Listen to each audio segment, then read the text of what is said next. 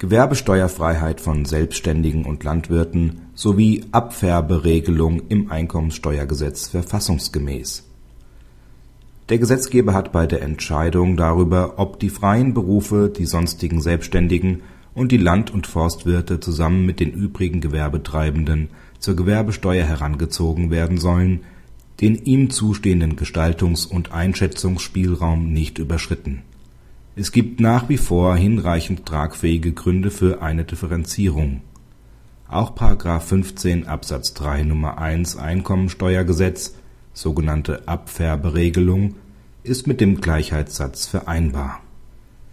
Die Regelung verfolgt in erster Linie das Ziel, die Ermittlung der Einkünfte gemischt-tätiger Personengesellschaften zu vereinfachen, indem sie alle Einkünfte typisierend auf die Einkunftsart gewerblicher Einkünfte konzentriert.